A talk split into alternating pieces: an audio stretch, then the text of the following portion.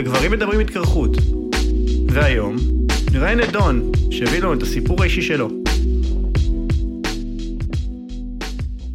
אז אני דון, אני בן אה, 24, עוד רגע 25. אה, קצין בצבא, בקבע כבר אה, שלוש שנים, משהו כזה. שירות סך הכל כבר מעל אה, שש שנים. גר פה בתל אביב, בדירת שותפים. אה, זה אני, כן. ב- in a nutshell. יש לך איזה רגע אחד שאתה זוכר, וואו. י- יש כזה, יש, יש כזה רגע, אבל אצלי הוא הגיע, אני חושב שהוא הגיע קצת בצורה מוזרה, מהמם. ואולי קצת אחרת. אה, אני, הקו שיער שאתה רואה אצלי היום, שהוא מין כזה, הוא, שהוא כאילו בצורה של מפרצים, נקרא לו, שהוא כאילו עובר בצורה, יש את העיגול, יש את החץ מקדימה ויש מפרצים הצידה, זה תמיד היה הקו שיער שלי. ותמיד שחברים גם היו טוענים שאני מקריח, בהתחלה הייתי שולף להם תמונות שלי בתור תינוק ומראה להם תראו זה הקו שיער זה טבעי זה תמיד היה. אה, ובתיכון, גם בתיכון ראיתי את הקו שיער הזה על עצמי, אבל בתיכון הייתה לי רעמת שיער, שמאוד הייתי קשור אליה. והייתי לפעמים מסתכל במראה ומושך את השיער אחורה ואומר, אני מקווה שזה לא יחמיר יום אחד, אבל בינתיים זה יהיה בסדר. אה, איזה גיל זה? בתיכון, גיל 16, 17, 18, לפני הגיוס כזה י"א י"ב. הייתה לי רמת שיער שאני מאוד אה, קשור אליה, עד היום זו התמונת אה, רישיון שלי. אני עדיין עם, עדיין עם מלא שיער שם, אני מראה את זה לאנשים והם בשוק, הם לא מזהים אותי. אה, התגייסתי, עשיתי גלח כמו שכולם עושים.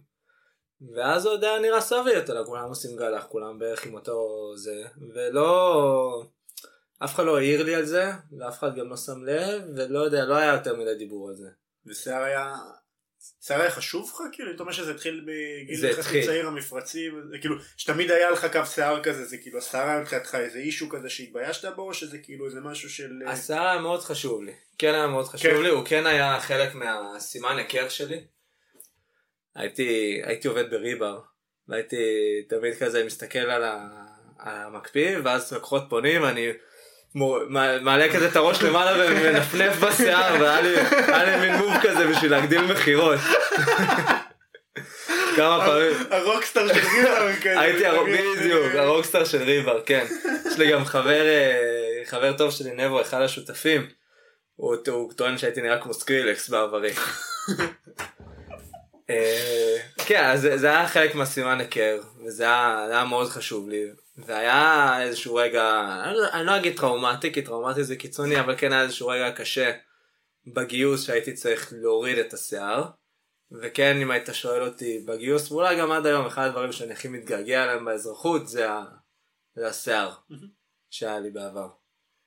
אבל ההבנה שהשיער הזה לא הולך לחזור, כי תמיד היה לי פנטזיה שאני אשתחרר, אני אטוס לדרום אמריקה לשנה, ואני פשוט אתן, אני פשוט אגדל שיער ולא אסתפר במשך שנה ונראה מה יהיה. ההבנה שזה לא יקרה, הגיעה באזור התפקיד השני, הייתי קצין קשר גדודי בגדוד שריון, אמ, ושם אני לא יודע להגיד לך אם זה בגלל לחץ, כי התפקיד תפקיד אה, קשוח ואינטנסיבי ומלחיץ, או על קווים מבצעיים וגדוד מתמרן, או שזה פשוט אה, עניין של גנים. שם התחיל, התחילה בערך, ה... זה התחיל בתור הידלדלות מקדימה של, ה, של השפיץ, של החלק הקדמי. כן. אמ, התחלת לראות את זה במראה, או שהתחלת לראות את זה בכרית? אה, אז בכרית אף פעם לא ראיתי את זה, כי אף פעם לא היה לי מצב של אה, שיער נושר על הכרית. זה אף פעם לא הגעתי. אני לא שמתי לב לזה. וחברים התחילו לרדת עליי שאני מקריח, ולהתחיל לרדת עליי ש... שיש לי שפיץ ו... וזה. אף- כיף שיש חברים, אה? חברים מדהימים, כן. סביבה בונה, סביבה צבאית. האמת, הם שניהם אה, חברים מאוד טובים. כן. אחד בשם אה, נבו שהיה סגן שלי, אותו בחור שדיברתי עליו קודם, ואחד בשם סער, ששניהם נהיו גם אחרי זה שותפים שלי לדירה, שלושתנו חברים ממש טובים. ואתה יודע, אז תמיד מגיע מהחברים הטובים, כן. שמרגישים בנוח לרדת עליך. כן. ותמיד הכחשתי, ולא לא ידעתי על מה הם מדברים, ולא הבנתי מה זה. באמת לא ידעת? אני אגיד לך מה, אני ראיתי את זה קצת, אבל אמרתי, מה, זה לא כזה גרוע כמו שהם גורמים לזה להישמע, זה לא באמת כזה... זה... כן. ודרך אגב, רק, לא יודע, חצי שנה אחרי שסיימתי שם תפקיד, אני, פתאום נפל לי האסימון, נבו גדול, גבוה ממני באיזה 10 סנטימטר, משהו כזה, ופתאום הבנתי שהוא מסתכל עליי מלמעלה, והוא אשכרה רואה את זה. דברים שרואים מכאן לא רואים משם. בדיוק. רואים מכאן רואים משם. בדיוק, אתה מסתכל במראה, ובזווית שלך הכל נראה בסדר, כמו תמיד, ואתה לא יודע שמלמעלה נוצר לך, כן. יש שם באמת הידלדלות אמיתית. כן. אה. כל אחד יש לו את הרגע הזה. זה פשוט מדהים איך כן. כל בן אדם שאנחנו מדברים עליו בפודקאסט. יש לו, ה... יש לו בדיוק את הרגע שלו. אז הרגע שלי דרך אגב, אם אתה מדבר על רגעים, תפקיד אחרי זה עברתי לתפקיד של יותר משרדי, וישבתי עם חבר במשרד שקוראים לו עדן, אה, והוא העלה איזה סטורי או משהו כזה, שהוא סתם הוא מסתרק, ואז הוא לא- בא עם המצלמה שלו ועם המסרק אליי, מצלם אותי מלמעלה, כזה מסרק את השערות, את ה-15 שערות שנשארו מקדימה, וישר גם להן מגיע. ואז ראיתי את זה מלמעלה, ושם הבנתי ש... שנגמר הסיפור וצריך להתחיל להשלים עם זה. וואו. כן. זה היה הרגע. עכשיו זה היה מאוד מצחיק וגם נתתי לו להעלות את הסטורי כי זה היה באמת משעשע. אבל אה, כן, הצלחת לצחוק? כן, אני- כן. אני- זה היה... לא כיף. זה היה הומור משותף כי עדן בעצמו גם מקריח. הבנתי. אז אה, היה לנו בינינו את ההבנה שאנחנו יורדים אחד על שני על ההקרחה ועושים תחרות מי- מי מאבד כן. יותר שיער. אבל אה, זה היה הרגע שבו הבנתי שזה נראה לא טוב. ידעתי שזה יגיע, אבל לא ידעתי שזה יגיע עד הנקודה הזאת. ושם אה, התחיל, התחלתי תהליך עם עצמי של להשלים, להתחיל להשלים עם זה, כן. ולהחליט כמה אני מוריד ומתי אני מוריד, ובאזור נגיד חודשיים שלושה אחר כך אני רוצה להגיד, אה, דיברתי עם נבו, שהוא גם היה, שהוא ספר אה, חובב סלש מקצוען בתחומו, אה, והוא זה שמאז שהכרתי אותו בגדוד הוא זה שתמיד היה מספר אותי, ורק עליו אני סומך. ואמרתי לו עושים את זה, ונסענו שר ואני מביתנו ברמת שרון, נסענו לנבו שעוד גר בבאר שבע, יש לו שם מספרה אצלו בבית. וואלה. אה, נסענו אליו וצילמנו ותיעדנו את הכל. ושם הורדתי בערך ל- ל- לרמת שיער שיש לי היום, שזה לא קרחת אה, בוהקת, זה לא אפס, אבל זה חד משמעית אה, גלח והר- והר- והרבה יותר קצר ממה שהיה לי אי פעם. ודרך אגב, זה היה באיזה יום חמישי או שישי, משהו כזה, שישי בערב יצאתי עם חברים, את החברים מהבית, החבורה הקבועה שלי נקרא לזה, הוותיקה, ושם כולם אמרו, קיבלתי איזה שש מחמאות מאנשים שונים באותו ערב, ב- כאילו בצורה בלתי תלויה, שאמרו שזה נראה הרבה יותר טוב, נראה ש- טוב. כן. שככה זה- צריך להישאר. פשוט, אתה יודע, זה פשוט מדהים שיש יש דברים לפעמים ש... לא יודע, קרחת זה הדוגמה הכי טובה שיש לי למשהו ש... ביום שאתה, אין דברים שישנו לך את איך שאתה נראה, לטובה כמו להוריד את השיער. בדיוק, כי בדרך כלל אנשים, אנשים כמובן שאנחנו בוחרים לעשות את הככה, בוחרים להוריד זה בגלל שדברים כבר נראים לא טוב. לא טוב, כן. אתה בדיוק, לא... כן. היה נראה בסדר, הייתי מדחיק את זה עוד שנה. בדיוק, כן. ברגע שאתה רואה את עצמך בתמונה, במראה, מזווית שלא, שאתה לא רגיל לראות, ואתה מבין שזה לא נראה טוב, אתה פתאום קולט איך העולם תופס אותך. וזה לא משנה אם אתה בן אדם שאכפת לו ממה אנשים חושבים, או בן אדם שלא אכפת לו ממה אנשים חושבים, אני חושב שזה גם אנשים שלא אכפת להם ושמאוד שלמים עם עצמם בקטע הזה. זה לא עניין של מה אנשים יגידו לצורך העניין, זה עניין של איך אתה באמת נראה. כמו שבן אדם אה, שומע את עצמו בקול, הקול הפנימי שלו בצורה קצת אחרת, והוא לא באמת נשמע ככה לאנשים אחרים. אז גם המראה, יש איך שאתה רואה את עצמך, שאתה רגיל לראות את עצמך, כי אתה רואה את עצמך כל יום. יש את האנשים ואיך איך שאתה בתכלס נראה, שזה קצת אחר, כי זה זווית אחרת, וזה... מצד אחד הם שמים לב לדברים שאתה לא שם לב אליהם, מצד שני גם לא שמים לב לחסרונות אחרים שבגלל שאתה מכיר את עצמך, אז אתה שם לב. יש לזה יתרונות וחסרונות לה- להיבט הזה.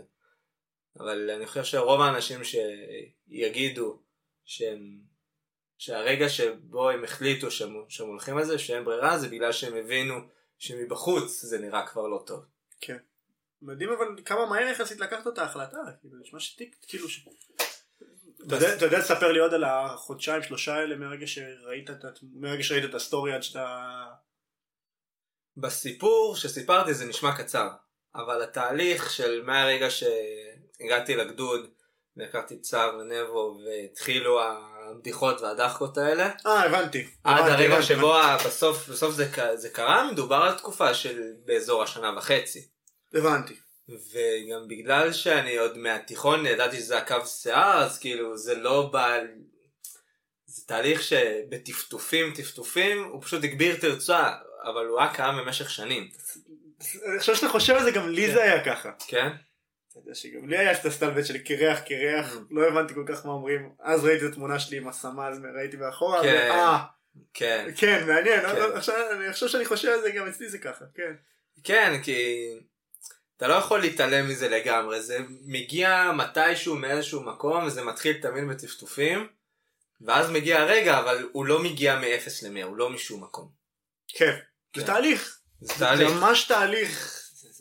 זה- מדהים כמה כן. זה תהליך אפילו. נכון, כי זה באמת, זה, זה באמת לוקח זמן, וזה גם ב, במהירויות שונות. כי ב, שאלת על החודשיים שלושה האלה, אז בחודשיים שלושה האלה, נבו פעם בשבוע היה שולח לי הדמיה שלי בלי שיער, שהוא עשה באיזה פוטושופ או באיזה... תשמע, הוא משקיע. אה? הוא מאוד משקיע, זה היה לו חשוב, הוא באמת לקח את זה כפרויקט. גם כי זה היה נורא מצחיק, אבל גם כי הוא חבר טוב. זה גורם לך להרגיש בנוח? שבן אדם עם שיער כאילו... לצורך- אם אני, לצורך העניין, נראה לי אם אני הייתי מדבר איתך ככה, אני הייתי, זה- היה כאילו, זה היה סבבה. אני לא לוקח את זה בצורה כזאת, כאילו... נבו יש לו אחלה של... ראיתי אתה- אותו, תשמע, יש לו. בלורית מאוד מרשימה. יש לו בלורית מרשימה, ועוד לבחור שעוד בצבא יש לו בכלל בלורית כן, מרשימה. כאילו גם הרס"ר אפילו נראה לי מתרשם. יש. כאלה שהרס"ר, תשמע, זה יפה מדי בשבילי להתערב. הרס"ר כזה מתרשם שהוא נותן לו. כן, כן. אה, אבל אני לא לוקח את זה- אני לא לוקח את זה בקטע כאילו שנבו מתנשא עליי, או שהוא יורד עליי כי יש לו, זה ממש לא, ל- לרגע לא עברה לי, לא עברה לי המחשבה שזה בכיוון הזה. מבחינתי. זה, זה בקטע שהוא חברי לגמרי. של אכפתיות. של אכפתיות לגמרי, כן. כן. כאילו זה, כמובן שזה מצחיק וזה דחקות ועניינים, אבל הגרעין של זה בסופו של דבר, זה נטו כוונות טובות. מגניב. מגניב שאתה רואה את זה ככה. אז הוא שולח לך את התמונות פעם בשבועיים. שולח את התמונות פעם בשבוע, שבועיים, ואני כל פעם אומר, לא, אני לא אעשה את זה, לא, אני לא אעשה את זה, לא, זה נראה גרוע, אתה לא רואה שזה נראה גרוע. אבל זה מה שאני אומר, ובלב, אה, פעם באיזה חודש כזה, באחת, על אחת, אחת מכמה תמונות, אני אומר לו, טוב, בסדר, אני אעשה את זה, אבל עוד מעט. אבל עוד מעט ועוד מעט. כן. אה, עד ש... אני חושב שמה שבסוף היה את ה... שברת... כאילו מה שאמרתי שאני שם לעצמי את הקו, הייתה, הייתה לי טיסה בסוף אה, יוני לאיזו הופעה, ב... לאיזו הופעה עם חברים אה, ב... ביוון, ואמרתי של, ה... של הטיסה הזאת, אני, אני לא בן אדם שמצלם את עצמו, אני מאוד לא פוטוגני. אז אמרתי שבטיסה הזאת אני עושה לעצמי תמונות כמו שצריך כבר, מחדש את המאגר תמונות, שיש לי בדרך כלל מחליף תמונת פרופיל פעם בשנתיים, אז שם אני מחליף תמונה, ואת התמונה החדשה אני עושה כבר עם, אה, עם השיער הקצר. עם גלח, כן. כן, בדיוק. אז אמרתי, זה, זה התאריך יעד, אני נמצא מתישהו בשבוע שבועיים לפני שאני עושה את זה, ואז אה, אזור אה, תחילת אמצע יוני זה האחרון, לפני, מה זה, חצי שנה, שמונה חודשים, משהו כזה. וואלה. כן. מאז אני עם השיער הקצר, ומאז אני חושב שכל תספורת אני, או, או כל תספורת שנייה אני מוריד עוד עוד, קצת. עוד קצת ועוד קצת, ועושה את זה בהדרגתיות עד שאני אגיע בסוף לחלק חלק. למה? כי אני עדיין לא שלם עם זה עד הסוף. לא, לא שיש בי תקווה או משהו, כאילו, אני, אני לא חי באשליות ואני יודע שהשיער לא יחזור להיות מה שהוא היה בלי איזה השתלה. אבל אני עדיין לא שלם עם זה עד הסוף. אני מגדיר את עצמי קרח בתהליך. זה, זה יגיע ואני יודע שזה יגיע. אבל כל עוד יש לי עוד קצת שיער והוא נראה טוב, ואני דואג גם הפעם להסתכל על עצמי מיותר זוויות וכאילו להיות יותר בבקרה על איך שזה נראה. כאילו אני יותר מודע לזה. אבל כל עוד זה עוד נראה טוב ויש במרכאות במה להיאחז, אז אני אעשה את התהליך לאט לאט לאט ואני עד שהוא, עד שהוא יגיע. ל end state הטבעי שלו. כי יש הבדל בין המעט שיער שיש לי עכשיו לבין הקרחת המבריקה לגמרי. כמה זמן אתה חושב שייקח ל... אתה תרצה להגיע ליום שתעשה עם סכין כאילו מכונה אפס? קשה לי להגיד לך בלב שלם שאני רוצה. כי ב... אני עוד בשלב שמבחינתי, אם הייתה לי את האופציה לבחור, הייתי מחזיר את השיער. אם וואו. הייתי יכול בנקישה להחזיר את השיער, הייתי מחזיר את השיער. אז לרצות אני לא רוצה, אבל אני יודע שזה יגיע. מאמין שזה יגיע עוד באזור השנה בערך. לא יודע אם אני משקר לעצמי או לא. היום אני לא לוקח. אתה לא לוקח, אתה נשאר ככה. כן. מה אתה אומר? זה חלק ממי שאני, אתה מבין? כאילו, זה שונה. לא- זה לא- כבר, בעיניך זה כבר חלק מהזהות. כי, אתה יודע, אני רואה את עצמי בתור רבל. כן. זה חלק, מ- כאילו, אני רואה את זה גם חלק משם. אני צעיר, אני בן 22, 23, היום אני בן 25. אני קרח. כן. רוב האנשים יש שיער. איזה נכון. מגניב. עוד דרך שאני שונה בהם. זו גישה כזאת בריאה שאתה לוקח את זה לכיוון החיובי. אני גם, אני, אני מנסה להגיע לשם, אבל אני עוד לא, אני עוד לא שם. זה, זה פשוט, בשנייה שאתה פשוט חוצה את הגשר, אוקיי. אתה תראה שזה יבוא לך. אתה רושם שזה גם אני אני, אני. אני, אני, משוחרר, אני, אני כאילו, אני אהיה מאוד מופתע אם לא. לא יודע, כמו, כמו שעכשיו אני רואה אתה הולך הרבה למכון. כן.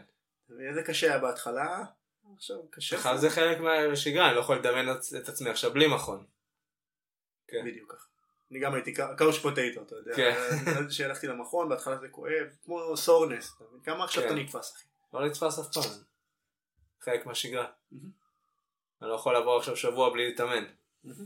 ועוד מעט אני גם לא יכול לעבור שבוע בלי להעביר- סכין. זה זה. זה זה.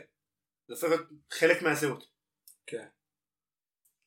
אה, חבר נוסף, חבר אה, מאוד יקר, שהוא מבחינתי, ה- נקרא לזה, הוא המודל השראה שלי.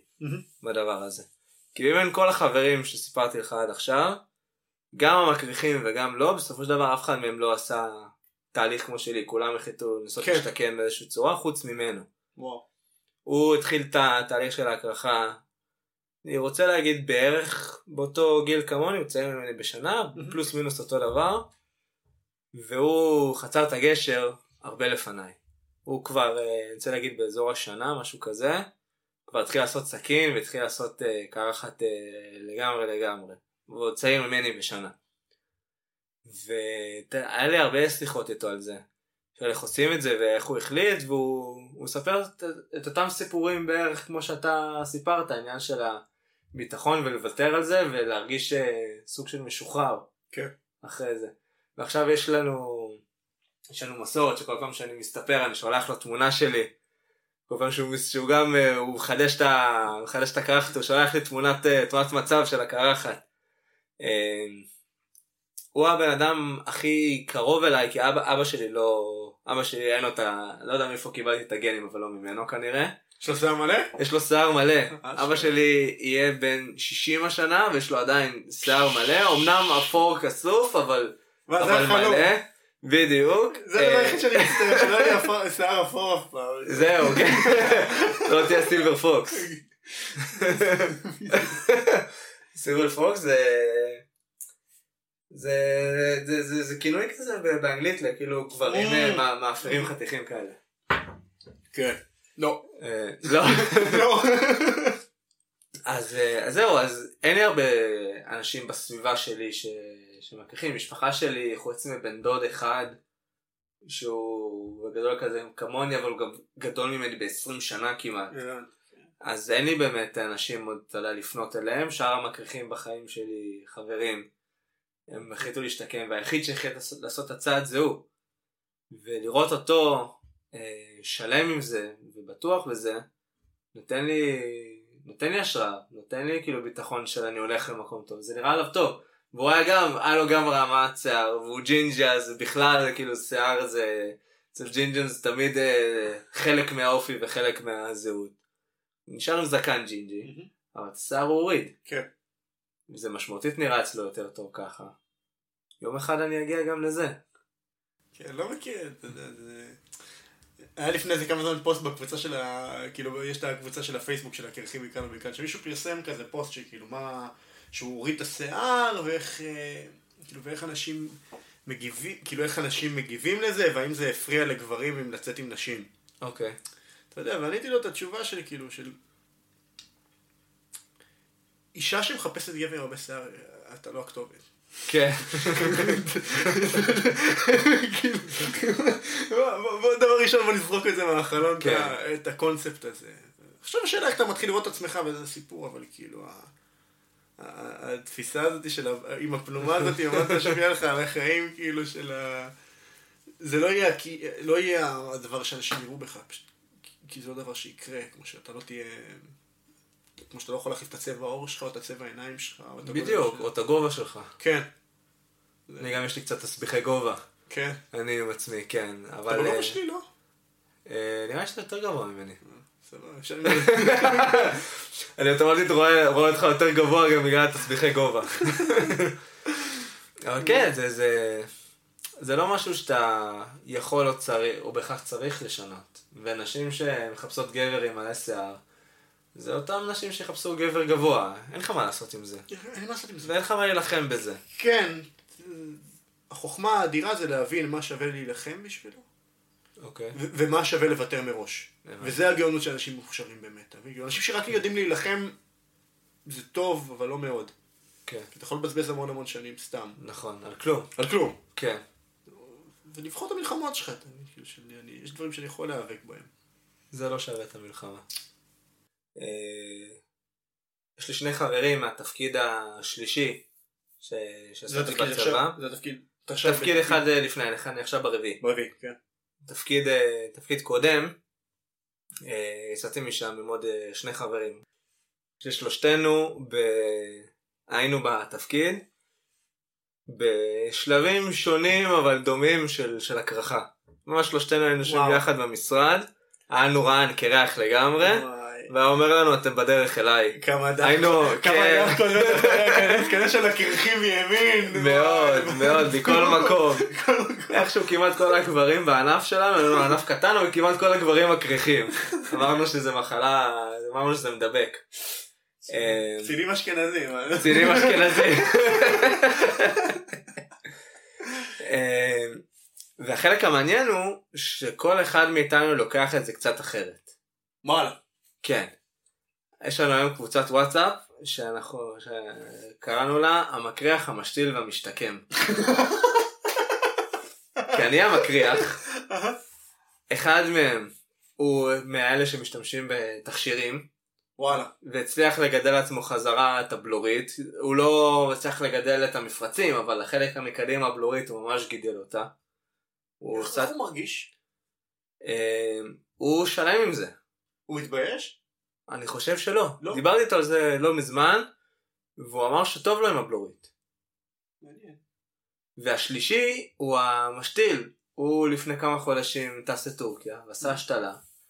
והיום הוא בשלבי, הוא כבר אחרי שלבי התאוששות הראשונים. כן, יש שבועיים שהם... השבועיים. הראשונים לא על הירחמו, ברור, וחודש אחרי זה הוא היה עם כובע, והוא חייב כבר אחרי שתי תספורות.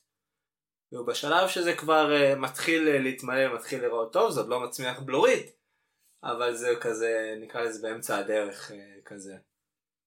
כל אחד מאיתנו לקח את זה לכיוון אחר. אני באופן. אישי, אני היחיד מבין שלושתנו שעדיין בצבא. והיה לי התלבטות ביני לבין עצמי אם, אם גם לטוס לטורקיה וגם לעשות השתלה. אני חושב שאצלי יש שני דברים שהחליטו לי בסוף לא לעשות את זה, ולא ללכת לכיוון, וכנראה שאני גם לא אעשה את זה בעתיד, אולי אני אוכל את הכובע יום אחד. אה, אחד, וזה הפחות חשוב, עניין של אני עדיין בצבא, זאת אומרת אני לא יכול לק- לק- לקחת פתאום ארבעה חודשים של חופש להשתקמות ואני לא יכול להחליט שאני מסתובב פתאום עם כובע כי זה מה שבא לי, זאת אומרת אני אצטרך בוודאות ללכת עם ראש דשא ועם ראש שנראה משמעותית פחות טוב לתקופה ממושכת וידעתי שאני לא יכול להרשות את זה לעצמי. זה אני שם בצד, אני חושב שהפקטור העיקרי זה חשבון נפש שעשיתי עם עצמי והבנתי שאני רוצה ב end state שלי, בתהליך שאני עושה, לקבל את עצמי, כמו שאני. וחלק מזה זה להשלים עם העניין של הקרחת, עם העניין של העיבוד שיער. אתה יודע, יש תמיד קונפליקט עם עצמך, האם אתה מקבל את עצמך כמו שאתה, או שהאם אתה עובד על עצמך בשביל לשפר את עצמך. כן. שזה, אתה יכול למצוא משפטי חוכמה לזה ולזה. בטוח. ואתה יודע, האמת היא איפשהו באיזון ביניהם, ואיפשהו באמצע. והנושא הזה הוא בעיניי, או לפחות בשבילי, מהדברים של לקבל את עצמך כמו שאתה ולהשלים עם עצמך כמו שאתה. ובסופו של דבר, למה אמרנו קודם שזה יותר גרוע, גם בתפיסה וגם באיך שאתה נראה, להיות מקריח מאשר להיות קרח?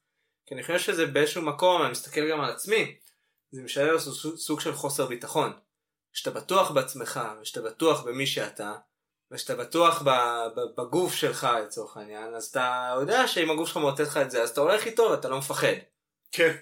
ואני עוד קצת עם הפחד, בגלל זה אני עוד לא עשיתי את זה עד הסוף, אבל אני רוצה להגיע למקום שבו אני שלם עם עצמי ואני, יש לי ביטחון לגבי עצמי, ולכן לא הלכתי לכיוון שלו של תכשירים, ולא של הקרחה, כי אמרתי אני, אני כן רוצה בסוף לחצות את הגשר, גם אם ייקח לי זמן. אני כן רוצה לעבור לצד כן. השני. כן. תודה רבה שהאזנתם לפרק. למידע נוסף אתם מוזמנים להצטרף לקבוצת הפייסבוק שלנו, קרחים ומכאן ומכאן.